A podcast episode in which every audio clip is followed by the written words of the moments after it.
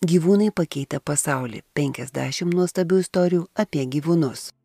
Leo - gyvūnas, kurį pamatė daugiausia žmonių visame pasaulyje, tačiau apie jį žinoma mažiausiai. Leo yra garsiausias visų laikų liūtas. Jį galima išvysti kiekvieno studijos Metro Golden Mare filmo pradžioje. Apie šį liūtą sklando daugybė įvairiausių pasakojimų. Pavyzdžiui, jei jis suriaumoja tris kart, filmas bus geras. Tai be abejo yra nebūtinai tiesa.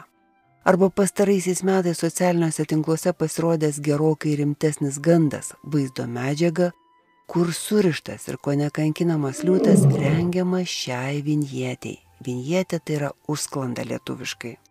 Iš tiesų ten nufilmuotas visai kitas liūtas, neturintis nieko bendra su kinu, kurį teko tvirtai laikyti, kad būtų galima atlikti tam tikrus veikatos tyrimus.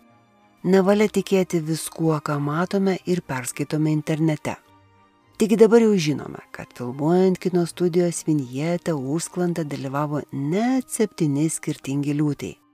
Kai tik atsirasdavo kokia nors pažangesnė technika, vinjetę tekdavo perfilmuoti. Pirmoji buvo skirta nebiliajam kinui, antroje jau girdėjosi liūto reumojimas, nors juosta vis dar buvo nespalvota. Tačiau tikrasis Leo pasirodė maždaug prieš 50 metų ir buvo nupirktas iš cirko, kur su juo elgėsi ne visai gerai ir būtent todėl filmuojantis likdavo toksai ramus. Viename iš pirmųjų savo vaidmenų liūtas susidraugavo su akla mergaitė atlikusią pagrindinį filmo vaidmenį. Jei nori sužinoti kai ką įdomaus, prašom. Liūtai iš tiesų net nemoka taip įspūdingai reumuoti, todėl tai, ką girdime vinjetė, iš tiesų yra tigro filmuojamas, o ne liūto. Kalbant apie metro studijos liūto vaidmens pirmtakus, garsiausias ir įdomiausias iš jų yra Džekis, kurio atvaizdas buvo naudojamas nuo ketvirto iki šešto dešimtmečio.